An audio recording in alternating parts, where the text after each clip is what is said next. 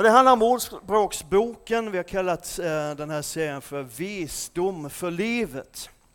Och vi har gett lite tips, eh, du som vill. Det finns ju 31 kapitel i Ordspråksboken, så det passar alldeles utmärkt att läsa ett kapitel om dagen eh, nu under den här månaden i alla fall. Sen fortsätter vi i augusti också. Men, men har du hamnat efter där så läs i kapp snabbt. Nej, jag bara skojar. Men du kan ju hoppa in där på den fjärde, fjärde kapitlet. Eller någonting. Vi kommer inte att predika i exakt den ordning som texterna står, utan det blir lite här och där, några nedslag.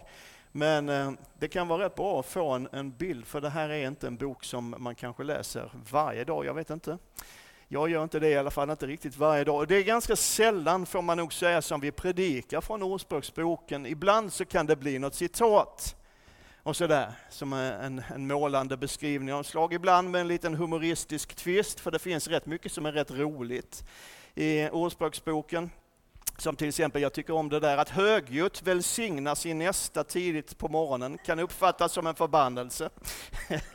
det står inte vem det är som uppfattar det som en förbannelse, men jag kan föreställa mig. Eller, eller den här som vi har på en bonad hemma, nej det har vi inte, men som ett ständigt takdropp, en regnig dag är en grälsjuk kvinna. Det är sant det också. Det är nog sant när det gäller grälsjuka män också, men det står ingenting om det, så att vi håller oss till vad Guds ord säger. Nej. Men grejen är att Ordspråksboken är Guds ord, och det, det vet vi ju. Och den har faktiskt, den här boken, väldigt mycket att lära oss om livet, om oss själva och om Gud. Och huvudtemat i den här boken, jag ska ge en liten introduktion och så ska jag dela några tankar. Det blir nog en rätt kort predikan. Det har jag sagt förut och så har jag ljugit. Så det var väl dumt sagt, men, men i alla fall. Min intention är att det ska bli en ganska kort predikan, så får vi se var vi landar. Huvudtemat skulle man kunna säga i Ordspråksboken, det är visdom versus dårskap. Visdom å ena sidan, dårskap å andra sidan. Vad är ett vist sätt att leva? Och vad är ett dåraktigt sätt att leva? Och det här beskrivs i Ordspråksboken på en mängd olika sätt som rör vid de allra flesta områden i livet, relationer och ekonomi och hur du hanterar det du har och hur du är liksom ute i samhället och i mötet med människor. Allt egentligen. Och därför så har vi kallat den här serien för Visdom för livet. För det finns någonting, tror jag, för, för så gott som alla områden i en människas liv. Nu kommer vi inte hinna med att peta på alla dem, men en hel del kommer det att bli. Och vi läser i början, de första sju verserna i Ordspråksboken. Så står det så här, ordspråk av Salomo, Davids son, Israels kung. Av dem lär man känna vishet och förmaning och att förstå kloka ord. Av dem hämtar man förmaning till vist handlande, till rättfärdighet, rätt och redbarhet. De ger enkla människor, det är väl en skönt uttryck, de ger enkla människor klokhet. Det är bra. Det är, det är sådana som vi, som kan få klokhet. De unga kunskap och omdöme. Den vise hör dem och får ökad lärdom och den förståndige inhämtar visa råd. Av dem lär man sig förstå ordspråk och liknelser, de visas ord och deras gåtor. Att frukta Herren är början till kunskap, men vishet och förmaning föraktas av dåren. Amen. Den här boken tillskrivs till stora delar, i alla fall kung Salomo. Den börjar ju så att det är, det är av Salomo. Och det består av 513 ordspråk.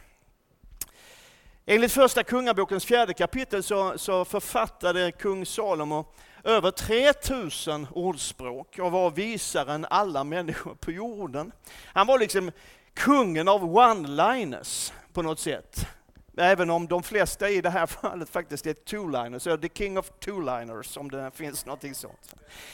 Grejen är att hebreisk poesi, det har vi nog talat om tidigare, ofta använder sig av det som man kallar för parallellism. Vad är det? Jo, det är att man använder två rader som på olika sätt och med olika ord säger samma sak som det man kallar för synonym parallelism. Jag ska göra en skrivning på det här sedan som du måste ha alla rätt på, vad det här är.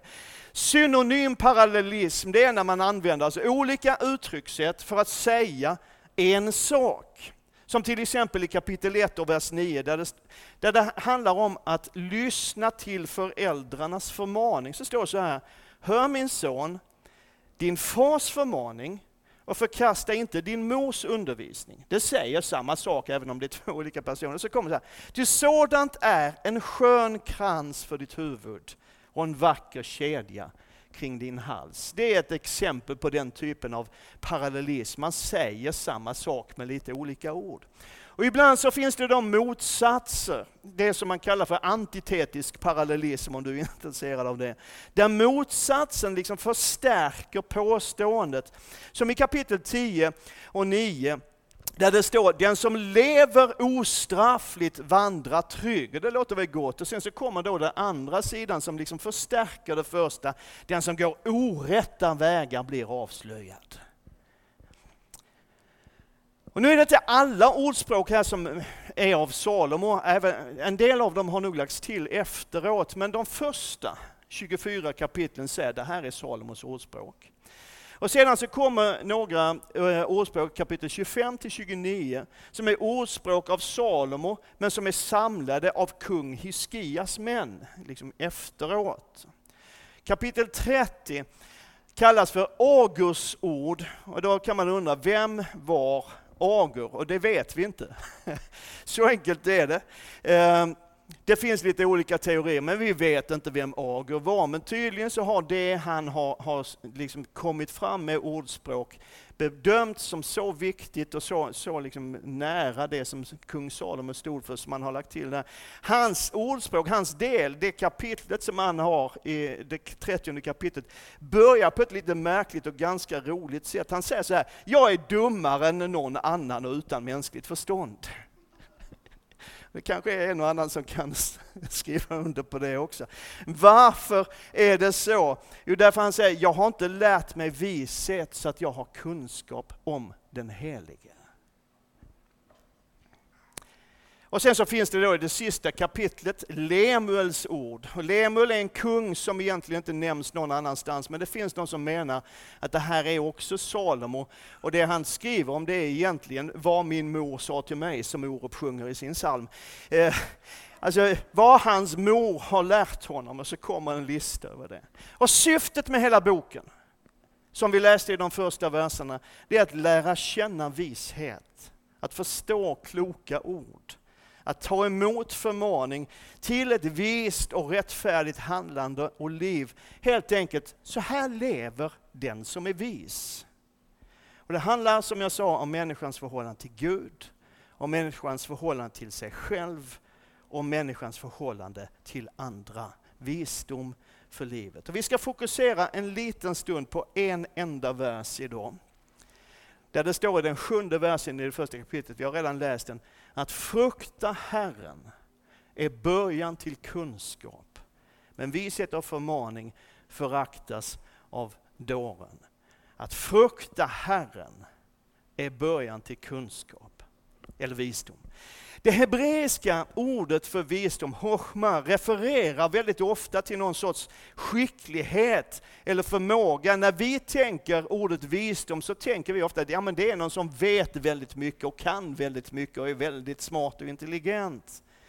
Men i, i det tredje kapitlet i Ordspråksboken så står det till exempel att genom visheten har Herren lagt jordens grund. Men med förstånd har han berett himlen. Och Bibeln talar också om människor som hade visdom att arbeta i trä eller metall till exempel. Det brukar vi inte alltid prata om, liksom slöjdläraren eller snickaren, att han har en visdom för träarbete, men Bibeln säger det i en del sammanhang. Det finns de som hade visdom till att utföra sömnadsarbeten eller att spela instrument. Också visdom att förstå drömmar, synar och uppenbarelse. Så visdom är inte bara liksom någon sorts teoretiskt, utan det handlar om någon sorts skicklighet också, kan göra det. Någon sorts förmåga att utföra det som är viktigt och rätt. Och visdom är inte riktigt samma sak som kunskap. Därför man kan ju ha stor kunskap om olika ting men ändå handla dåraktigt och inte vara vis, eller hur? Charles Spurgeon, predikanten, han sa så här, visdom är att använda kunskapen rätt. Det är smart. Mark Twain, för att ta en profan källa, sa att visdom är kunskap som använder huvudet. Och det är också sant. Det är någon som har sagt att vi, eh, kunskap är att veta att tomat är en frukt. Men visdom är att inte lägga den i fruktsalladen. Och det, det finns någonting i det. Sen är det faktiskt ganska gott, jag kan tipsa om det. Men ja, glöm det. Det är inte samma sak som kunskap. Men hela Ordspråksboken rakt igenom är en uppmaning att sträva efter visdom, en beskrivning av hur dyrbar och viktig visdomen är. Och den talar om hur totalt betydelselöst och bortkastat allting annat är om visdomen saknas, som till exempel som en guldring i svinets tryne är skönhet hos en kvinna utan vett. Det är starkt, ta hem det ordet och meditera över det. Men alltså det, det, är ju, det är ju roligt, men samtidigt det finns någonting i det. Om det inte finns visdom, om det inte finns visdom så spelar allt annat väldigt liten roll. Du kan vara den smartaste personen på jorden, men ändå handla som en total dåre. Och det är det lite grann som Ordspråksboken adresserar och tar upp för oss. Att frukta Herren är början till kunskap. Vishet och förmaning föraktas av dåren. Allt börjar med Guds fruktan. Man kan ha hur mycket kunskap som helst, man kan vara hur beläst som helst. Man kan ha nått de allra högsta akademiska graderna som finns i vårt system. Men ett liv som inte har sin grund i Guds fruktan kommer inte att leda rätt. Det är Ordspråksbokens budskap. För utan Guds fruktan existerar ingen sann kunskap och ingen sann visdom. Det är en sammanfattning av hela bokens budskap. Så vad är då Guds fruktan? När man säger ordet fruktan så, så går åtminstone mina tankar, och antagligen dina också, direkt till, till liksom en synonym, rädsla. Att fruktan handlar om rädsla. Men Jesus själv säger gång på gång på gång på gång på gång, frukta inte, var inte rädd. Var inte rädd. Var inte rädd. Gång på gång. Han säger det till sina lärjungar, han säger det till de som söker honom, han säger det till ängsliga människor, han säger det till trasiga människor. Var inte rädd. Och Johannes berättar i Uppenbarelseboken på ett fantastiskt sätt om en upplevelse som han hade. Jag älskar den berättelsen. Där han berättar om hur han såg Jesus i en syn och så beskriver han Jesus, han säger, hans hår var vitt som snö, hans ögon var som eldslågor, hans röst var som bruset av väldiga vatten. Och Johannes blir livrädd. Och så säger han, när jag såg honom föll jag ner som död för hans fötter.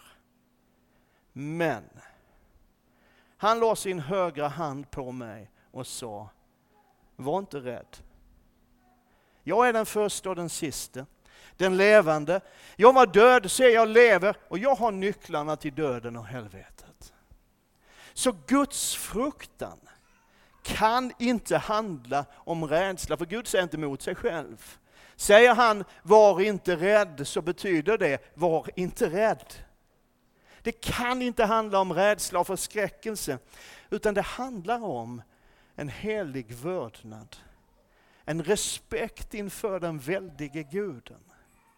När man inser vem Gud är och vad han är så blir det liksom bara ett stort wow.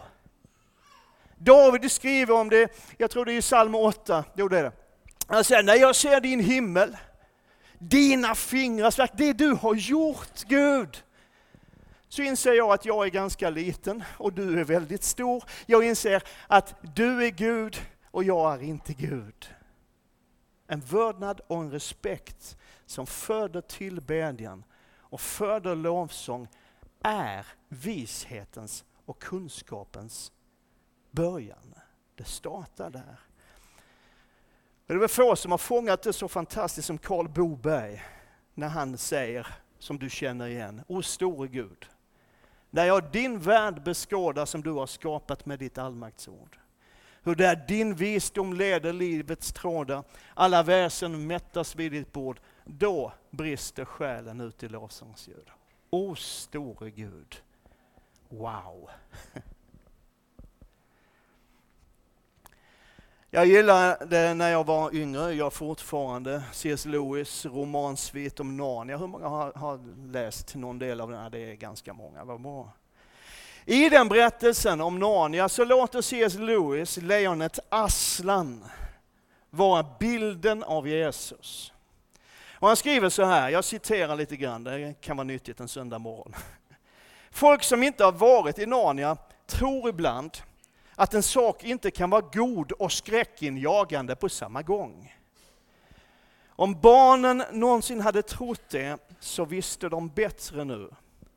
För när de försökte se på Aslans ansikte uppfångade de bara en skymt av en gyllene man, ett par majestätiskt allvarliga, betvingande ögon och sen så måste de slå ner blicken och kände sig alldeles ängsliga. Ungefär som Johannes beskriver sitt möte med Jesus, eller hur? Och så beskriver C.S. Lewis ett samtal där Lucy frågar, men är han ofarlig? Och herr Bäver svarar, ofarlig? Vem har sagt något om ofarlig? Det är klart att han är farlig. Men han är god. Han är ju kung vet jag. Och Lewis skriver, och medan Aslan passerade dem var de fruktansvärt rädda att han skulle vända sig om och se på dem. Och samtidigt, på något märkligt sätt, så önskade de att han skulle göra just det. En helig vördnad inför en väldig Gud. Kunskap och visdom börjar med Guds fruktan. Att inse vem han är och att inse att det han är, det är inte jag. människans förstånd och kunskap är ju fascinerande. Tänk vad vi kan hitta på. Har du tänkt på det någon gång? Vad vi har kommit på. Vad som liksom har, har utvecklats under bara den tid som du och jag har levt på den här jorden. Och ibland när, när lite yngre människor tycker att du fattar ju inte det här med, med datorer och telefoner och smartphones och uppkopplingar och sånt där, så brukar jag säga, ja fast det var vi som uppfann det. Men, men alltså, det, det verkar ju någonstans inte finnas någon gräns för vad människan förmår, men ändå så vet vi att människans förstånd, hur fascinerande och stort det än är, så är det begränsat.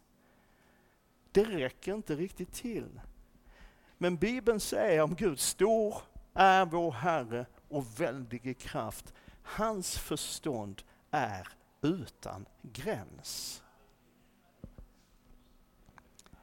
Han är Gud. Jag är inte Gud. Och inte du heller. Och vet du att all den kunskap och all den visdom, om du skulle samla ihop all Guds kunskap och all Guds vishet och liksom stoppa in det i en person så skulle den personen vara Jesus Kristus. Eller hur? Det står så här i Kolosserbrevets andra kapitel. Jag kämpar för att de ska bli styrkta i sina hjärtan, förenade i kärlek och nå fram till hela den rika och fullt övertygade förståelse som ger rätt insikt i Guds hemlighet Kristus. Hör nu här. I honom, i vem? I Jesus. I honom är vishetens och kunskapens alla skatter gömda. All Guds kunskap, all Guds vishet finns i Jesus Kristus. Så Jesus är vår källa till visdom. Hans liv är liksom en modell av allt det som Ordspråksboken handlar om. Han är en nyckel till Ordspråksboken och får vi inte med det så missar vi någonting väldigt, väldigt väsentligt. Och jag skulle vilja uppmuntra dig, om du nu läser Ordspråksboken under den här tiden eller vid något annat tillfälle, att när du läser Ordspråksboken så läs det utifrån den insikten att i honom, Jesus Kristus, är vishetens och kunskapens alla skatter gömda. Varje gång du läser om visheten, tänk Jesus. Därför det kommer att öppna den här boken för dig på ett helt fantastiskt sätt. För allt vad vi har som kristna har vi i Jesus. Allt vad vi har, har vi i Jesus. Och det är skillnad på mänsklig och världslig visdom och Guds visdom. Och vi ska tala mer om det nästa söndag. Men det här är väsentligt. För om vi inte sätter in Bibelns förklaring till vad visdom är, så kan vi börja tänka, ja men då är det den mänskliga visdomen, den världsliga visdomen som vi ska söka av hela vårt hjärta och allt vårt förstånd som det står om i Ordspråksboken. Nej. Det får du göra det också om du vill, men det är skillnad på mänsklig visdom och Guds visdom. Och Guds visdom Hans kunskap finns i Jesus Kristus.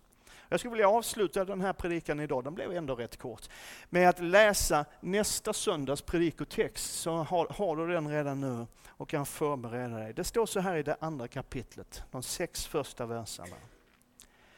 Min son, om du tar emot mina ord och bevarar mina bud inom dig, så att ditt öra lyssnar till visheten Jesus Kristus. Och du böjer ditt hjärta till klokheten, Jesus Kristus. Om du ropar efter insikten och höjer din röst efter klokheten, Jesus Kristus. Och du söker den som silver och letar efter den som efter skatter. Då ska du förstå vad det är att vörda Herren och finna kunskapen om Gud, Jesus Kristus. För det är Herren som ger vishet och från hans mun kommer kunskap och klokhet. Amen.